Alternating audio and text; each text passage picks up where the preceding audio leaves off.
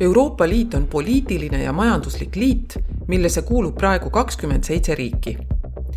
ühinemiseks on taotluse esitanud veel rida teisigi. kandidaatriike on praegu üheksa.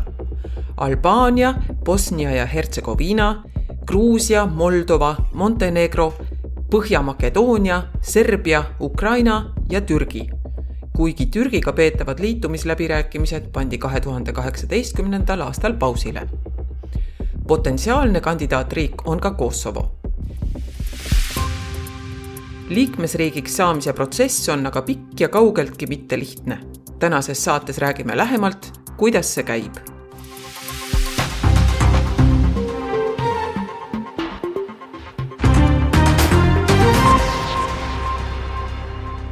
Euroopa Liidu liikmeks saamiseks peab riik asuma Euroopas ja austama liidu demokraatlikke väärtusi. Riigil peavad olema stabiilsed ja demokraatlikud ametkonnad, mis järgivad õigusriigi põhimõtet. lisaks peab seal olema toimiv turumajandus ning riik peab olema suuteline võtma ja täitma kohustusi, mida liidu liikmesus endaga kaasa toob riik võib saada ametlikuks kandidaatriigiks alles siis, kui ta vastab esmastele poliitilistele ja majanduslikele kriteeriumidele ning on ellu viinud nõutud reformid. Seejärel saab riik alustada liiduga ametlikke läbirääkimisi.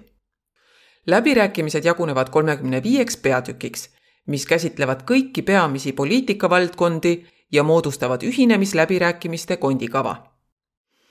peatükkidega edenemist hinnatakse regulaarselt kuni kõik peatükid võib lugeda suletuks.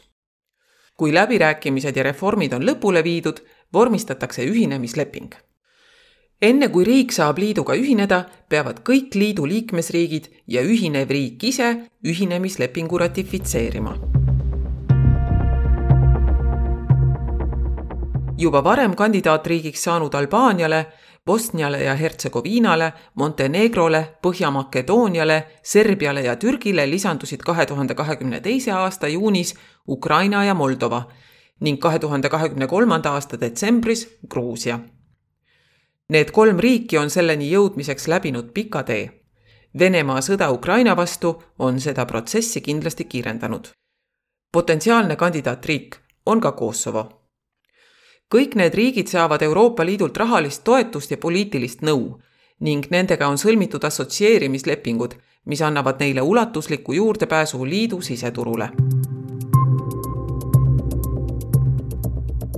Iga kandidaatriigi kohta koostatakse igal aastal eduaruanne. Need arutab Euroopa Parlament läbi ja paneb hääletusele. nii saab parlament ühtlasi ülevaate probleemsetest valdkondadest iga ühinemise Euroopa Liiduga peab heaks kiitma ka Euroopa Parlament. parlamendi president Roberta Metsola ütles kahe tuhande kahekümne teise aasta juunis Lääne-Balkanit käsitleval kõrgetasemelisel konverentsil, et laienemisprotsess on investeering Euroopa rahusse, julgeolekusse ja stabiilsusse. ta ütles järgmist laienemist on alati käsitletud kui protsessi, mille käigus Euroopat oma koduna näha soovivad riigid läbivad suure muutuse. Euroopa Komisjoni sõnul on võimalik, et Serbia ja Montenegro ühinevad Euroopa Liiduga juba kahe tuhande kahekümne viiendal aastal.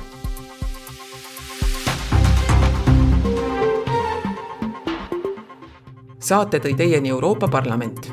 lisateavet leiate parlamendi veebisaidilt